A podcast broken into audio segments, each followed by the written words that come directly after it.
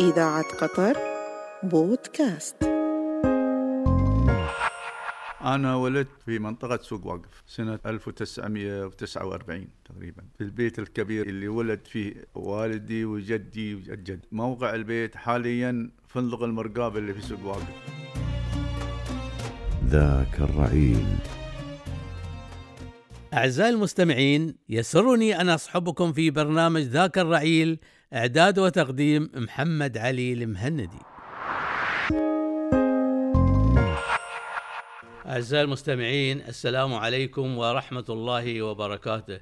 يسرنا أن نستضيف في حلقة اليوم من ذاك الرعيل سعادة السفير أحمد بن جاسم الملة أحد أبناء قطر المخلصين ومن جيل الزمن الجميل. درس في فترة الخمسينات من القرن الماضي في مدرسة قطر الابتدائية وأكمل تعليمه الإعدادي والثانوي.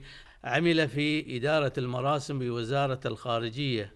منذ بدايتها واستمر فيها فترة طويلة. عاصر حكام قطر منذ السبعينات وعمل مع جميع وزراء الخارجية. لديه ذاكرة قوية ثرية بالمعلومات القيمة. نرحب بسعادتكم عبر أثير إذاعة قطر وأهلا وسهلا فيك سيد أحمد. أهلا وسهلا. في البداية نتحدث عن الولادة في ذلك ال- الفريج الجميل الممتلئ بالناس الطيبين في ذلك الزمن الجميل.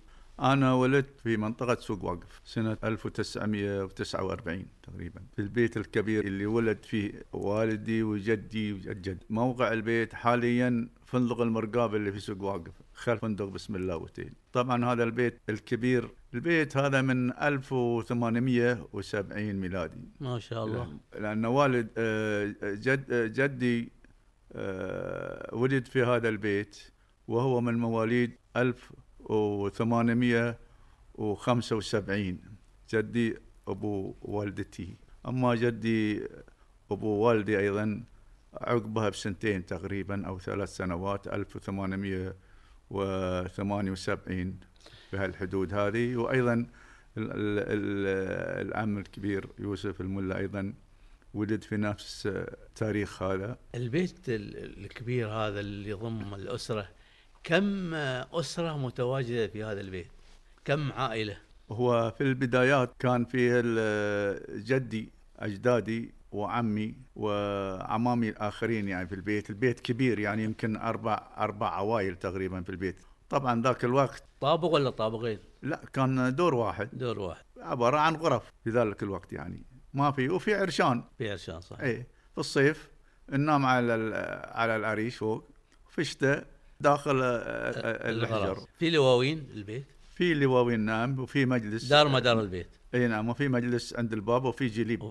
المهم جل الجليب. الجليب مهم طبعا حتى إحنا بالنسبة لأن موقع بيتنا في سوق واقف بالضبط والباب مفتوح. يعني ليل نهار ما يسكر الباب. فدائما اللي في السوق أصحاب المحلات الدكاكين هايلين يجون ياخذون ماي من من البيت يعني بالكندر ماي ماي خريج أي. ماي البحر لأن ذاك الوقت أيضا إحنا نستخدم الجليب للسب... نسبح أي. من ماي الجليب ما في يعني صحيح ذاك ال- السباحة وال... ذاك السباحة غسيل غسيل الثياب وغسل يعني الجليب يستخدم ذاك الوقت في متعدد الأغراض لأن صحيح. ما في ما في ماي ماي الحلو موجود للشرب يعني تقريبا درست عند المطاوع اللي كانوا موجودين في هالمنطقة هذه المنطقة بالنسبة للمطاوعة المطاوعه كانوا موجودين في الفرجان. بالنسبة لي أنا اولا درست عند آه، السيدة الوالدة امنه المحمود في الجسره كان. بعدين طلعت من عندها.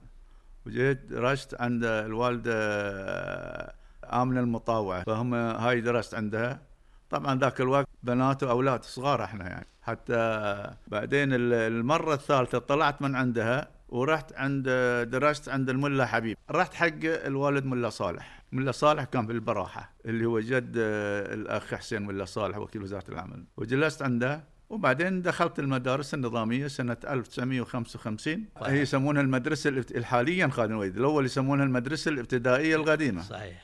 1955 وعندي شهادات بهذا الشيء. صحيح. ما زلت محتفظ فيها. إي وظليت في المدرسة إلى الستين اخذت الابتدائية انتقلت إلى المرحلة الإعدادية اللي هي الإعدادية الثانوية اللي هي خلف خلف استاد الدوحة. وبعدين كملنا. كانت هذه إعدادية ثانوية. كانت إعدادية ثانوية نعم. الإعدادية ثلاث سنوات وبعدين الثانوية ثلاث سنوات. سنة 1966 تخرجت من المدرسة الثانوية وطبعا طلعت لي بعثة إلى رحت القاهره درست القاهره كان إحنا من الدفعه اللي راحت القاهره الأخ دكتور حمد بن عبد العزيز الكواري اللي هو وزير الإعلام والثقافة الآن وزير دولة طبعا.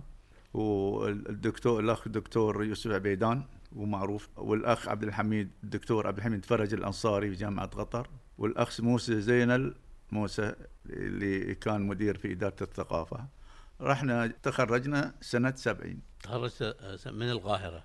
خرجنا أنا درست في في جامعة القاهرة كلية الآداب قسم اجتماع. الحياة كانت صعبة بالنسبة لكم بالقاهرة يعني من الدوحة للقاهره ما ما كانت صعبة إنما ذاك الوقت أول شيء ما في طيران دايركت لازم تروح عن طريق تروح آه، عن طريق بيروت. ف لكن القاهرة بلد جميل يعني وعشنا فيها مرتاحين جدا. ما في عندنا مشاكل وخاصة إن عندنا إن في آه، مكتب قطر المسؤول عن الطلبه هناك اللي هو الأستاذ. محمد رياض وكل حاجة مسهلة عندنا يعني حتى في الدخول للجامعة كانت سهله الأمور تخرجت سنة 1900 و... وتخرجت 1970 بعدين وين اشتغلت؟ وعندما تخرجت من جامعة القاهرة كن إحنا دخلنا قسم اجتماع مع المرحوم الأخ السفير إبراهيم بن حمد النصر وهو أول سفير لقطر في فرنسا عام 1972 الله يرحمه. تخرجنا من هناك اشتغلنا في وزارة العمل والشؤون الاجتماعية. في وين وزارة العمل؟ وزارة؟ العمل موقعها مقابل الديوان الأميري. مقابل الديوان الأميري. إي نعم. فاشتغلنا هناك آه، لمدة شهرين. أنا كانت وظيفتي فتش عمل في أم سعيد والأخ إبراهيم الله يرحمه كان مفتش عمل في راس بعبود. وأنتم جامعيين؟ جامعيين نعم طبعا آه، كل يوم تروح؟ أنا في ام سعيد أروح كل يوم نعم ام سعيد. طبعا ام سعيد ذاك الوقت غير اليوم نتكلم عن 1970 حتى الطريق الشارع ما يعني ما تحصل السيارات هاي. فظليت أفتش عمل هناك. حتى المكتب في ام سعيد بجانب البريد. بعدين جلسنا لمدة آه، شهرين. في 5 1 71 كلمنا الاخ الدكتور عيسى بن غانم الكواري الله يذكره بالخير وزير الإعلام مدير مكتب سمو الأمير ذاك الوقت. وطلبنا ورحنا له أنا والأخ إبراهيم نصر الله يرحمه. وقابلنا صاحب السمو الأمير الأب الشيخ خليل بن حمد الثاني الله يرحمه وسكن الجنة.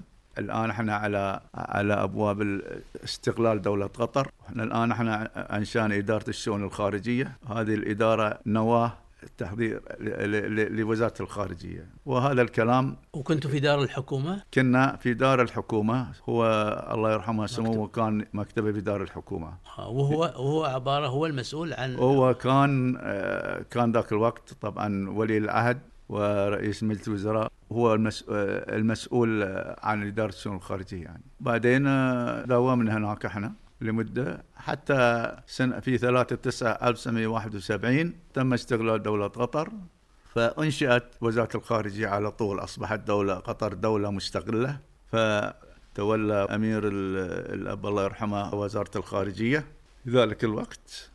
وبعد عندما تولى سمو الله يرحمه مقاليد الحكم في دولة قطر 1922 فبراير 1972 قبل آه، وقعت آه، وثيقة الاستقلال. في جنيف. هل تتذكر؟ وثيقة الاستقلال وقعت في جنيف عام 1971 وقعها صاحب السمو الشيخ أحمد بن علي الثاني حاكم قطر ذاك الوقت. الله يرحمه وسكن الجنة. وكان موجود معه الدكتور حسن كامل مستشار دولة قطر ذاك الوقت. ومن الجانب البريطاني وزير الدولة البريطاني موجود هناك وقع في في قصر الشيخ أحمد في جنيف. اللي في جنيف. في جنيف على أساس أنها أرض قطرية. آه، أرض على أرض بيت قطرية. كارض إيه. قطريه تعتبر اي نعم أرض قطريه تعتبر وبعد ذلك آه، أصبحت دولة قطر دولة مستقله يعني بعد ما تم الاستقلال ووقع انضميتوا لجامعة الدول العربية وكنت أنت من ضمن الوفد الرسمي اللي شارك هل تحدثنا عن آه، كيف طلعتوا من الدوحة ليه وصلتوا إلى جاء إلى مصر إحنا بعد استقلال دولة قطر طلع فريقين. فريق توجه إلى نيويورك برئاسة الدكتور حسن كامل مستشار دولة قطر الله يرحمه والأخ السفير إبراهيم بن حمد نصر الله يرحمه كان ذاك الوقت سكرتير ثالث. والأخ الدكتور يوسف محمد عبيدان كان سكرتير ثالث ومعاه أيضا الأخ سالم بن علي النعيمي الله يرحمه وهو سكرتير ثالث توجهوا إلى نيويورك. لانضمام دولة قطر في للامم المتحدة. إلى الأمم المتحدة في نيويورك. بعدين الفريق هذه قبل ها؟ هم في نفس الفترة. آه، في نفس الفترة. إيه. بعدين أ- أ- دولة انضمام دولة قطر إلى جامعة الدول العربية في 11 9 1971 كان برئاسة الوفد برئاسة الوالد علي بن أحمد الأنصاري وزير العمل والشؤون الاجتماعية في ذاك الوقت وعضوية ال- الأخ خليفة خليفة بن سلطان العسيري المعاضيد الله يرحمه وأنا كنا سكرتاريين ثوالث. ذهبنا للجامعة العربية طبعا عن طريق بيروت. عن طريق ما, في دائره ما في طيارات مباشرة. وحضرنا انضمام دولة قطر هناك وافقت الدول على انضمام دولة قطر في الجامعة العربية. وبعدين عقب صارت توالت الاجتماعات وحضرنا الاجتماعات الأخرى. فإحنا أول دبلوماسيين قطريين ندخل جامعة الدول العربية. الدول العربية. نعم. أعزائي المستمعين نواصل الحديث مع سعادة أحمد بن جاسم الملا أنت عاصرت حكام قطر وذهبت آه، عدة آه، زيارات رسمية معهم حدثنا عن هذه الزيارات. معاصرتي لحكام قطر. أنا عملت في البداية مع صاحب السمو الشيخ أحمد بن علي الثاني. الله يرحمه حاكم قطر. فكنت أرافق الضيوف إلى الديوان الأميري. كان مكتبه في الديوان الأميري. الديوان القديم مو بالجديد الآن القسم القديم ذاك الوقت ما يعني كان هو الديوان الرئيسي ذاك الوقت. في الدوحة ولا في الريان؟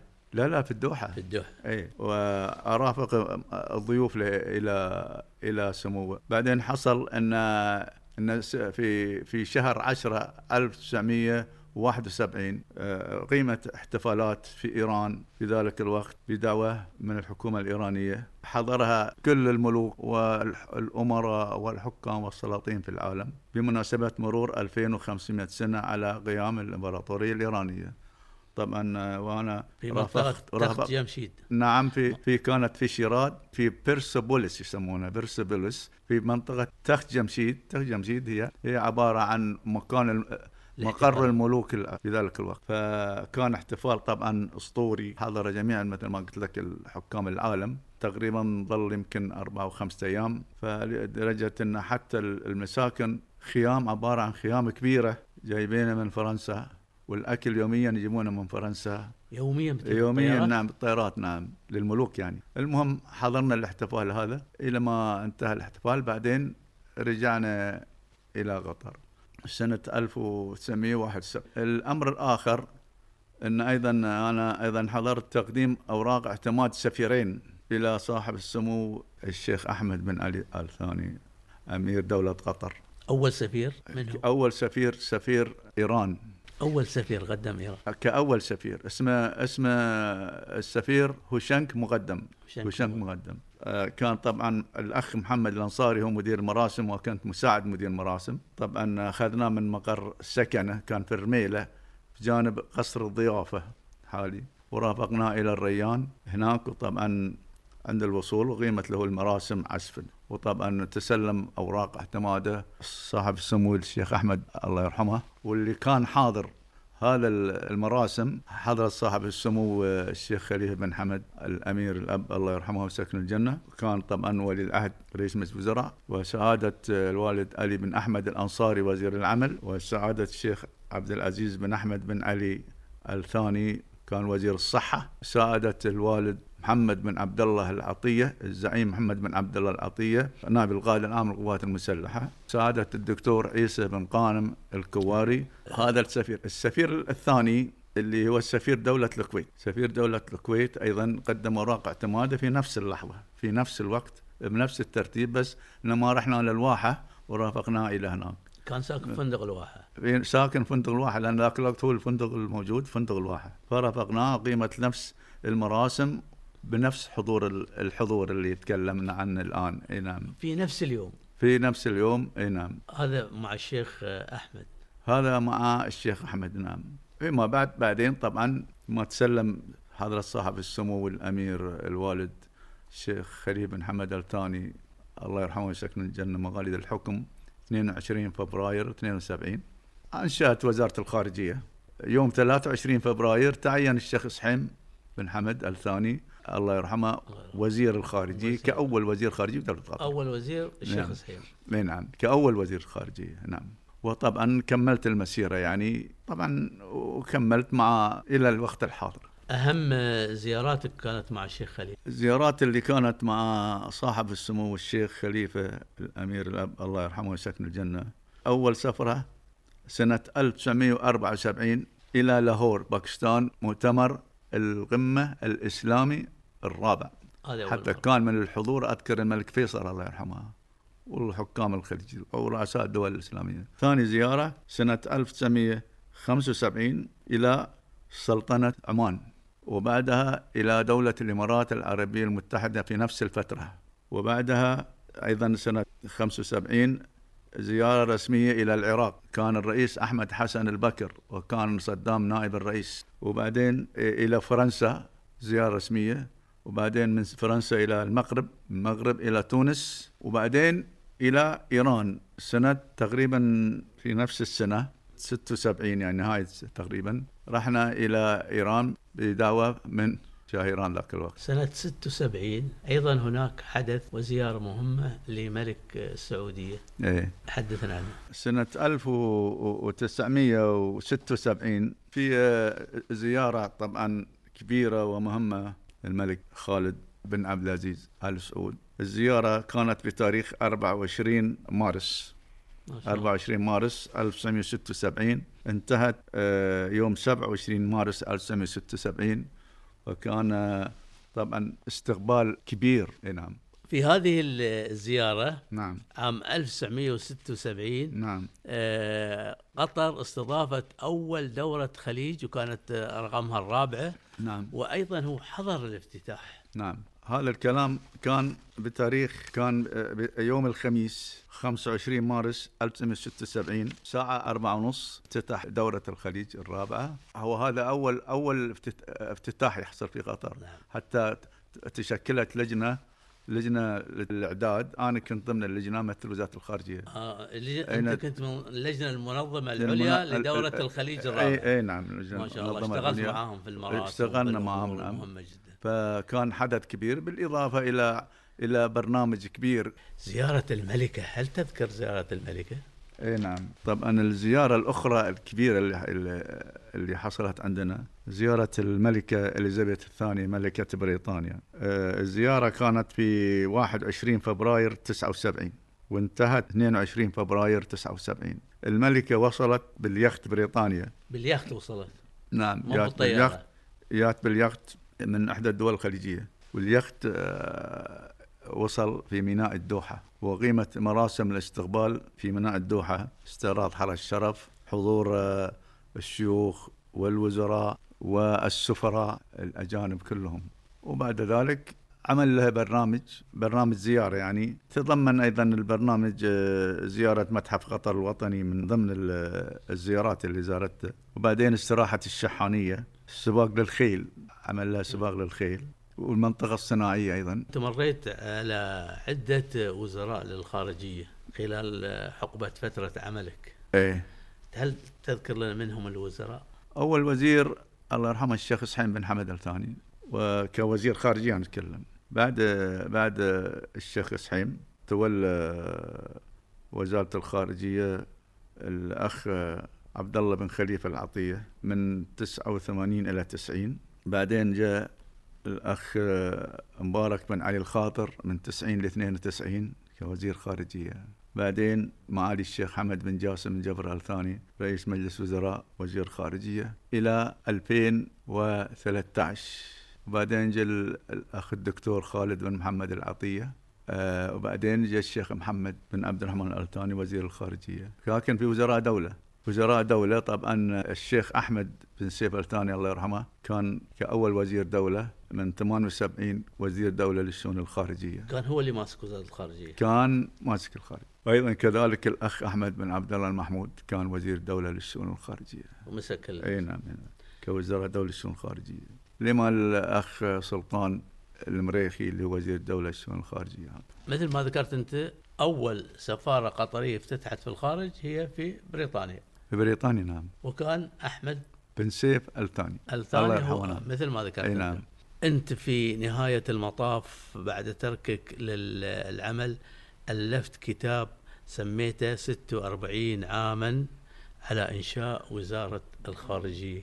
كيف طرأت لك هذه الفكرة؟ بالواقع أنا بالنسبة لهذا الكتاب كان آه، رغبة شخصية مني لأني أنا فكرت إن الوزارة لابد توثق المعلومات هاي كلها. وبما أني من معاصره الوزارة منذ بدايتها يعني قبل لا تصير وزارة وكنت أحتفظ أيضا الكتب اللي هي القوائم الدبلوماسية إحنا لما كنا بالإدارة كل سنة نطلع قوائم بأسماء السفارات والسفراء إلى اخره يعني. بالإضافة إلى إلى سفرائنا في الخارج. فقلت لازم نسوي كتاب على الأقل نحفظ حقوق السفراء والوزراء في الخارجية علشان في يوم من الأيام أحفادهم يعرفون إن في الخارجية يوم من الأيام كان وزير كان سفير كان قنصل إلى اخره يعني. أعزائي المستمعين نواصل الحديث مع سعادة أحمد بن جاسم الملا تحدثنا عن سوق واقف قديما. شلون كان؟ بالنسبة لسوق واقف أنا ولدت في سوق واقف. طبعا ولدت في الفترة اللي ما كان فيه كهرباء. كان الناس يعني ما عندنا في بيتنا كهرباء. على الفناره تقريبا. اللي شفته أنا على الطبيعة بالنسبة لسوق واقف كان في خريس من بسم الله اوتيل فندق بسم الله اوتيل هذه بسم الله وانت رايح شمال. هذه خريس عبارة عن مثل المجرى في المايل لأن البحر كان يوصل لين تقريبا آه، قهوة عشيرج الحالية وقبل قهوة عشيرج وين مسجد الأحمد؟ هني على أطراف أذكر البحر. فهذه يسمونها الخريس. بالإضافة إلى مكان الحدادة حاليا في سوق واقف تقريبا مقابل آه، فندق الخليج الأول يسمونه حق أمانة الخال بجنب مدخل أخ سبعان في محل هني متجر معروف متجرة فهني كانوا الحدادة أذكر حافرين لهم بالأرض وفي في درامات ويشتغلون طبعا. بالإضافة كان فيه الصفار كان موجود سوق المقبرة اللي يسووا مواقف بالضبط. كان الصفار محل الصفار يصفرون جذور يعني هنا. أيضا أهل اللي يصيغون الذهب آه سلمان ومحمد الصايغ دكانهم أنا اذكره واللي اذكره أكثر إن أنا كنت ألعب في خاتم في يدي تغلقص الخاتم ودوني وحط خوصة وقصه بالمقص بالخوصة. اي هذه المناطق بالإضافة إن ذاك الوقت واقف لجيت العصر تحصل اللي اللي عنده جدر يبيع عيش واللي هناك عنده مكان يسوي مكا يكتب مكاتيب مكاتيب الناس إيه. واللي في محل مثلا قاعد يقرر اليهال صغار يعني كانت الدنيا بساطة ذاك اليوم والحلاق بعد كذي إيه. يحلقهم نعم. الحلاق بعد يحلق الناس في الشارع. لا كان محسن, محسن. لكن ما نسميه حلاق نسميه إيه، محسن. المحسن، إيه. المحسن ذاك الوقت قد لا ي... قد ما يكون موجود. المحسن في ناس مثل شكري المحسن هو كان يحسن يعني. بك يعني كمحسن محسن ما كان ما أذكر أنه بعدين يجي المحسن. كان عندنا في نفس سوق واقف كان عندنا محسن. بالإضافة إلى لما يصير الشتاء وتنزل الأمطار ينزل الماء من وادي مشيرب يتلاقى مع ماي البحر, البحر. لدرجة إن البيوت تدخل عليه آه، والبيوت الماء. كلها حصى طين. لذلك نرقد فوق العريش. آه. بالاضافه إحنا كنا ما تخر عندنا. البيوت أول. نعم. البيوت تخر لين. تخر البيوت نعم إيه. أنا هذا أنا اذكرها هذه اللي آه، بالنسبة للي أنا شفته. وبعدين وادي مشيرب طبعا حدود حدود المنطقة هني من من بنك العربي وانت جاي منطقة النجادة. منطقتنا الدوحة هني داخل مسجد الأحمد الكبير بيت الأحمد الكبير. بالإضافة لمسجد الأحمد كان في عبد الرحمن بن الشيخ المطاوع أنا أذكر. هو- قديم المسجد. المسجد قديم هذه المسجد أنا أعتقد إنه 100 سنة وحولها 100 سنة تقريبا. آه تقريبا لأن هذا المسجد قديم قديم جدا. تذكر اللي كانوا يأذنون فيه؟ أنا أذكر نعم أذكر واحد اسمه جاسم يأذن فيه عقب واحد اسمه فيروز يأذن فيه. كان اللي اللي اللي اللي يصلي فيه. الآن اللي حكت عليه ربما قبلي ناس آخرين. عبد الرحمن بن الشيخ شاهين الله يرحمه هو اللي كان يصلي فيه وبيته إحدى المسجد. وهو اللي خطب الجمعة؟ هو اللي خطب على ورقة يوم الجمعة أنا ما أذكر هذا اللي أنا لحقت عليه. هذه في في الخمسينات أنا أتكلم. في الليل في شيء ينور السوق واقف ولا ما في؟ والله في أنا على. أذكر ذاك الوقت يعني في ناره في فنار يحطون اي يعني يعني أنا أتكلم قبل الكهرباء يعني أي نعم. قبل الكهرباء. بعدين في ليتات عقب حطوها في السوق لكن إحنا ما عندنا مكان نروح نلعب أما على الرملة ولا في النهار على السيف على الأسياف في البحر وهذه ما عندنا ولا الكورة بس ما عندنا. عندنا فريق فريق البراحة نلعب كورة مع بعض. طبعا العيال المنطقة كلنا إحنا فندق بسم الله. فندق بسم الله هذا الله يسلمك. في واحد هندي اسمه حمزة تقريبا هندي هو. هندي نعم. هذه قبل حسب ما سمعت إن معرفيه الله يرحمه هو من هالقطر يعني. سوى قهوة ذاك الوقت. هالقطر يحطون قهاوي مثلا مع قهوة معرفيه داخل السوق واحد يسمونه عبد الله غانم وغيره وغيره قهاوي. وهالقطر الأول حتى يعني يقعدون بعضهم خاصة آه، يتسلون يتسلون. يعني يقعدون في القهاوي. في قهوة أيضا أخرى قهوة آه، يوسف ميرزا عند البراحة. يجتمعون فيه يلعبون دامه دومنا كيرم. يشربون شاي. هذا الوقت. فهذه خذ أجر استأجر المكان كتب عليه فندق ومطعم بسم الله طبعا ذاك الوقت هو ما في. فندق الأول شو سوى في ذاك الوقت حتى ال- حتى الواحة ما صار هاي بالخمسينات. الواحة صار يمكن في الستينات. فحسب أنا يعني كانوا يسكنون بعض الرياضيين اللي يجون من ال- من الدول المجاورة وأيضا بعض الناس اللي يجون يسكنون في في هذا المبنى ويمكن في ثلاث أربع غرف من الفنادق القديمة. أنا ذكر لي طالب بلان ذكر لي إن نادي العروبة جابوا فريق اسمه فريق الجزائر من البحرين وسكنوهم فيه بال 63 هذا الكلام صح لأن أنا أذكر الله يرحمه نبيل غنبر صديقي يعني جدا. كان كان آه، مدير مراسم خارجي في البحرين ذاك الوقت. لما جاء الدوحة في إحدى مؤتمرات القمة قال لي يا أحمد ودني السوق واقف وين السوق واقف؟ قال يا أخي في فندق بسم الله اوتيل قلت له نعم هاي بسم الله اوتيل هاي بيتنا وراه. قال تصدق يا أحمد أنا سكنت مع الفريق في هذا في في نفس الفندق في يعني. نفس الفندق. إيه. الأول ما في فنادق أول فندق. وفي أيضا ناس آخرين يعني نفس القصة يعني. إيه. قالوا لي ودنا نشوف هذا المكان. وما في غير هذا الفندق يعني اللي الموجود. فبس ما طبعا كان مشهور ذاك الوقت. إيه. مطعم مطعم حمزة هاي المطعم مشهور. مشهور إيه، انشهر كيمة في في كيما في كل شيء. سمبوسة و... كل شيء يسوي نعم. إيه، والكلية وال... يسوي يسوي بعد نعم. الايس كريم السكريم مشهور كان فيه. السكريم كان أول يسوونه في الله يسلمك آه، وين المواقف اللي سوق المقبرة؟ إيه. هني في محلات. هذه المحلات في محلات رمضان يبيعون سكريم اخبر وإحنا نروح أنا ذاك الوقت في الستينات هذا إيه. الكلام الستينات تقريبا. نهاية الستينات نروح في الليل في رمضان تعرف في الليل في رمضان نروح عقب ما نصلي آه، التراويح نروح آه، ما في شيء يعني ذاك الوقت إيه. إلا بعدين فتحت الأندية يعني كان في الأندية موجودة لكن الناس يروحون النوادي الناس ما يروحون. آه، بالنسبة لل في مركز شرطة أول مركز شرطة افتتح في نفس المنطقة في مركز الشرطة حسب ما سمعت سنة 1949 افتتح وأنا أنا أذكره يعني مركز. جنب بيتكم.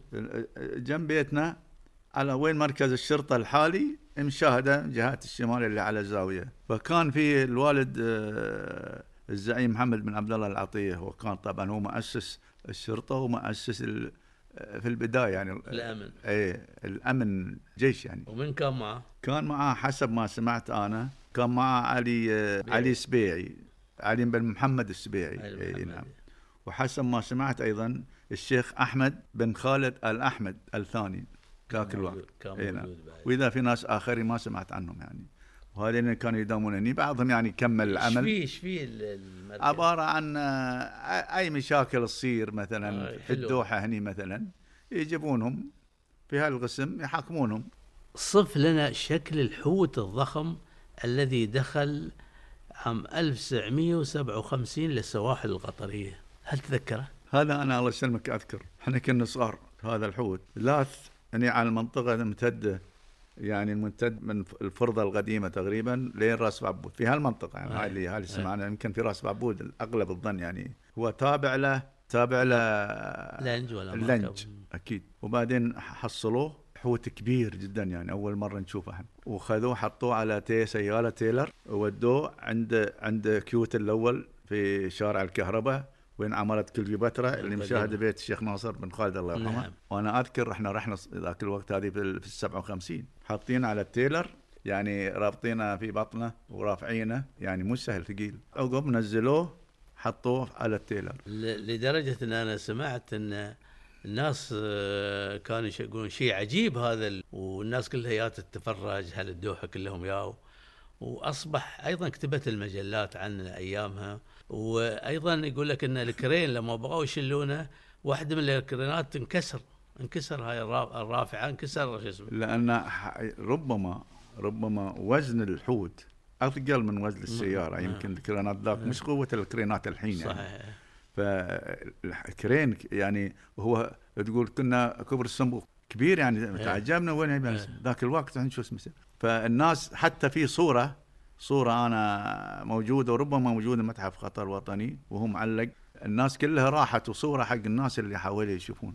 نأتي الآن على محور شهر رمضان المبارك، كيف كان الاستعداد لاستقبال هذا الشهر الكريم أيام زمان؟ طبعا رمضان شهر من أفضل الشهور. زيد في الطاعات والعبادات والصلوات. فالناس طبعا في المساجد وفي يقرون القرآن. في الليل مثلا في الميالس أنا أذكر يبون واحد يقرأ قرآن أنا أذكر هذا الكلام. حتى عندنا كان أبوي الله يرحمه يجيب واحد يقرأ قرآن وحنا قاعد نسمع القرآن. يعني يقرأ يعطونا مكافأة أو أو يسوي ختمات شيء؟ يعني تقريبا يعني لكن يقرأ القران إحنا نسمع له بالإضافة. أنتم ما تقرون؟ لا إحنا نقرأ القرآن نقرأ في المسجد. آه في المسجد. إيه يعني نروح نصلي العصر نصلي هو يسوي ختمات هو بعدين يجي يسوي الختم في الليل. يسوي ختمات نعم. بالإضافة ان الزيارات بين الناس تكثر في رمضان. بس تعرف مظاهر رمضان ذاك الوقت غير اليوم اختلفت يعني صحيح. تماما. ذاك الوقت على على مثل ما تقول على مستوى الناس ذاك الوقت الموجودين يعني المجالس أيضا مفتوحة تزاور بين الناس موجود يعني. والحياة في فطور جماعي بين الرجال؟ نعم. الفطور فطور. اي طبعا. الفطور في نعم. في عزايم نعم في والبيوت الناس مفتوحة يعني كل بيوت هالقطر مفتوحة. والغبقات؟ والغبقات موجود عند ناس وناس. تقريبا يعني. حسب المقتدرين. لكن برمضان بيوت هالقطر مستوى هالكرم هالقطر. في تبادل الأطباق بين الجيران؟ هذه نعم. أنا أذكر يعني مثلا إحنا في الف... لأن ال- البيوت كلها متلاصقه الأول مع بعض خاصة في الفرجان. مثلا أنا أذكر لما يضربون الهريس الوالده الله يرحمها الله يرحمه. تتجمعون أنا وعيال عمي كل واحد يعطونا صحن ودي بيت فلان ودي بيت فلان. وهم بعد يبون لنا. تستانسون؟ آه، نستانس. تاكلون شيء من الصحن ولا؟ والله يعني يعني ذاك الوقت كل شيء يصير. والهواش على الجدر. وشلون تعرفون آه، قدوم الشهر يعني؟ نعرف قدوم الشهر. طبعا يعلنون عن إن الليلة رمضان. يعلنون؟ الناس في الصوم. المسجد يعلنون ولا في ال... نسمع طال عمرك إحنا يعلنون. طبعا ذاك الوقت ما كانت إذاعات موجودة ولا. شيء بس الناس تعرف. يعني لحقت على الواردة؟ هي طبعا الوارده الله يسلمك من بيتنا. أنا أذكر مدفع رمضان في الستينات. تعرف وين محطوط عندنا في المنطقة؟ بقول لك وين. شفت الحين آه، مطعم طاجين المغربيني. وين قلعة الكوت؟ إيه، بالضبط إيه. قلعة الكوت لأن هاي على مرتفعة المرتفع شوي. شوي نعم. في مدفع مشاهد الجنوب وقت الوارده آه، يضرب الوارده وإحنا لأن انا إحنا بيتنا تكسع ما في هالعمارات صحيح. إحنا نشوف الوارده ونشوف المدفع من فوق. من البيت. إيه يضرب الوارده ويضرب المدفع ويأذن المغرب. تستانسون بعض الشباب يروحون عند المدفع يشوفونه ولا يأذن يا البيت أذن أذن. إيه بس ذاك الوقت ما كان في ناس وايد يعني قريبين نروح عند المدفع. إيه. إحنا نشوفها حتى من فوق من بيوتنا والله. أنا أذكر هذا الكلام. لأن ما في بيوت ذاك الوقت يعني إلا قليل يا منطقة. ال- لحقت على ال- المسحر؟ اي طبعا. مسحر في ال- في الليل إيه، كان موجود. يكون هالقطر والمسحر في الليل. إيه. إيه. إيه، شو. يسوي يعني يدور بس على الفريج يدورون على الفرجان. والطبلة بالطبل. و في كل فريج في ما يتقاضى هاي راتب. والله أعتقد إنه هو ما ياخذ راتب لكن يعطونا- يعطونا يعني. مو. مسألة الراتب الرسمي إيه. لكن يعني ما يقصرون. هو بس ما يعطونه يقصرون عنه. يوم يوم القرقعان بعد يعطونه اي نعم. وآخر الشهر يوم 27 لين بعد. مر على البيوت ما يقصرون فيه. اي نعم. لحقت عليه شفت أحد يعطي مثلا بعضهم يعطي عيش بعضهم يعطي خبز. ذاك الوقت اللي يعطون يعطون آه، المكسرات بعضها. في ناس يعطون عيش ويعني يعطون- بس أذكر المكسرات الأول غير اليوم يعني تشوف مكسرات المقاريع هاي عجيب و- هذا. والسنبل. القرقعان هذه. ما قرقعت حصلت إي؟ نعم. يلا نحصل هاي حاط ال- الخريطة معلقة ويحطون. ويعطونكم شيء تستانسون يعني الأول نستانس؟ طبعا. إي نستانس. إحنا أطفال ذاك الوقت. صحيح. الحياة اللي مرت كلها حلوة تعرف خاصه لما تمر حياة ال- الطفولة غير حياة اليوم. صحيح. العشر الأواخر يكثر فيه العبادة والتطوع. لأن فيه القيام صلاة القيام. يعني من العشر الأواخر تبدأ صلاة القيام. نعم نعم. صلاة الليل. نعم. والمساجد تنترث من الناس. تعرف ذاك الوقت الناس قليلين مثل ما. أقول لك يعني. صحيح. مثل اليوم يعني. وداع رمضان يوم ليلة 27 وذي. والله في ناس يسوون. في ناس يسوون إيه، في نعم. ناس مو في كل الناس في ناس يسوون دار رمضان. يعني ذاك الوقت أنا اتذكر هذا استعداداتكم شلون العيد؟ بالنسبة للعيد طبعا إحنا ساكنين في السوق. مم. من من قبل العيد بكم من يوم نروح نشتري أغراضنا ويوم العيد نروح نصلي. تفصلون الثياب ولا نفصلها؟ نعم. مو مشترى تشترون؟ لا إحنا لا لا تفصيل. تفصيل اي في ناس. يفصلون اتكلم عن الستينات. هاي اي تفصيل يفصل فيه ما يخيطون ذاك الوقت. وبعدين الله يسلمك يودي يطلع في الستينات في الستينات إي. نعم في اللي على الفحم على الفحم يحط إيه. داخله فحم إي وعقب تطورت الأمور يعني إي. يوم الكهرباء والزاد الكهرباء لكن ال- بالنسبة للعيد آه، قبله بيوم يومين رحنا نستشره يعني أو ويوم العيد شو تسوون؟ والله يوم العيد نروح نعيد البيوت اللي يعطيك اربعانات واللي يعطيك مصربيه يعني حسب مقدرة الشخص. حسب حسب الموجودين ذاك حسب ما يعطونك يعني عيدكم مبارك يا أهل البيت. تمرون على الفريج كله؟ نمر على الفريجنا بس. بس ما تروح إي. فرجان ثانية لا إحنا نذكر نروح جلعة الشيوخ. إي تأخذون على الشيوخ. ديوان الأميري ذاك الوقت. إي. كنا كنا نروح هناك صغار ندخل داخل. ويعطونكم. يعطونا عيديه ما ما تأكلون من اللفات على على. زمن على زمن الشيخ على زمن الشيخ علي الله يرحمه الشيخ. أحمد. يعطونا فلوس يعطونا. يعطونكم فلوس. إيه نعم. في إيش اسمه احتفالات شيء بالعيد؟ عرضه عرضة في تقام عرضات ذاك الوقت. عرضة في السلطة وعرضة في السودان وعرضها اللي أنا أذكرها وعرضها العوده في الوكرة تحت جلعه الوكرة. الكبيرة. إيه. وكل القبائل كانت تسوي عرضات. كل إيه. من محله يعني ذاك الوقت ما في تواصل وايد مثل على ال- الوكرة. تقومون بزيارات للناس الجيران وذي. في وين؟ والمعارف في أيام العيد. إي طبعا. فريجنا. بس فريج. اي فريجنا. ما وين؟ ما تروحون حق الشيوخ. ما لكم أغارب ما لكم شيء. لا إحنا إحنا إحنا كلنا بنفس كل المنطقة. كل أو هاي الزين يعني ما تطلعون برا. لا ما له سيارة بعد لأن الحين مختلفين يعني الولد تحصل في جهة توسع جهة. وتغيرت ال- البلد صارت كبيرة. حدثنا عن الشعر ومن وين حصلت الشعر؟ هل هو طبعا امتداد لأجدادك أو هل أنت كنت تهوى الشعر؟ أنا طال عمرك جدي والد أمي الله يرحمه اسمه أحمد بن عبد الرحمن الملا. مسمينك عليه؟ كان نعم اللي أنا مسمين عليه. كان من الشعراء المعروفين ومعدودين ذلك الوقت يعني. يجيد العربي ويجيد النبطي. ما شاء الله. إي طبعا. فهو كنت لما تستمع أنت له؟ نعم. كنت تستمع له؟ لا أنا ما لحقت عليه. آه ما لحقت هو عليه. مواليد 1875 آه. وتوفى 1930 مدفون المقبرة اللي في سوق واقف. لكن لما جاء الشيخ محمد بن مانع الله يرحمه سنة 1918 20 وكان أحد الطلبة اللي التحقوا بالمدرسة الأثرية اللي بيت المان اللي فيه اللي أسس الشيخ محمد. فسوى هو بي قصيدة في الشيخ محمد بن مانع قال فيها هلم سراعا نحو درس محمد بمح بمحضره يبدو لك السعد كريم تسامى من كرام أماجد نسبتهم للمجد؟ قال أنا العبد وعبد العزيز الوارث المجد والحجة. كريم وأين المجد؟ من مانع يغدو. لما توفى خالد سنة 1927 الله يرحمه الله اللي هو خالد محمد غانم والد عبد العزيز بن خالد رئيس مجلس الشورى. سوى في قصيدة قال فيها سرى النوم عن عيني وحسبك ما بي وفارقت لذاتي لأجل الصحابية. جرى حبهم في القلب حتى عذابه ومزق تمزيقا حتى لا يداوي. صار عندي اهتمامات في الشعر يعني. آه نشكر سعادة السفير أحمد بن جاسم الملا على رحابة صدره وعلى وقته الذي أخذنا منه الكثير. شكرا لك والله يعطيك الصحة والعافية.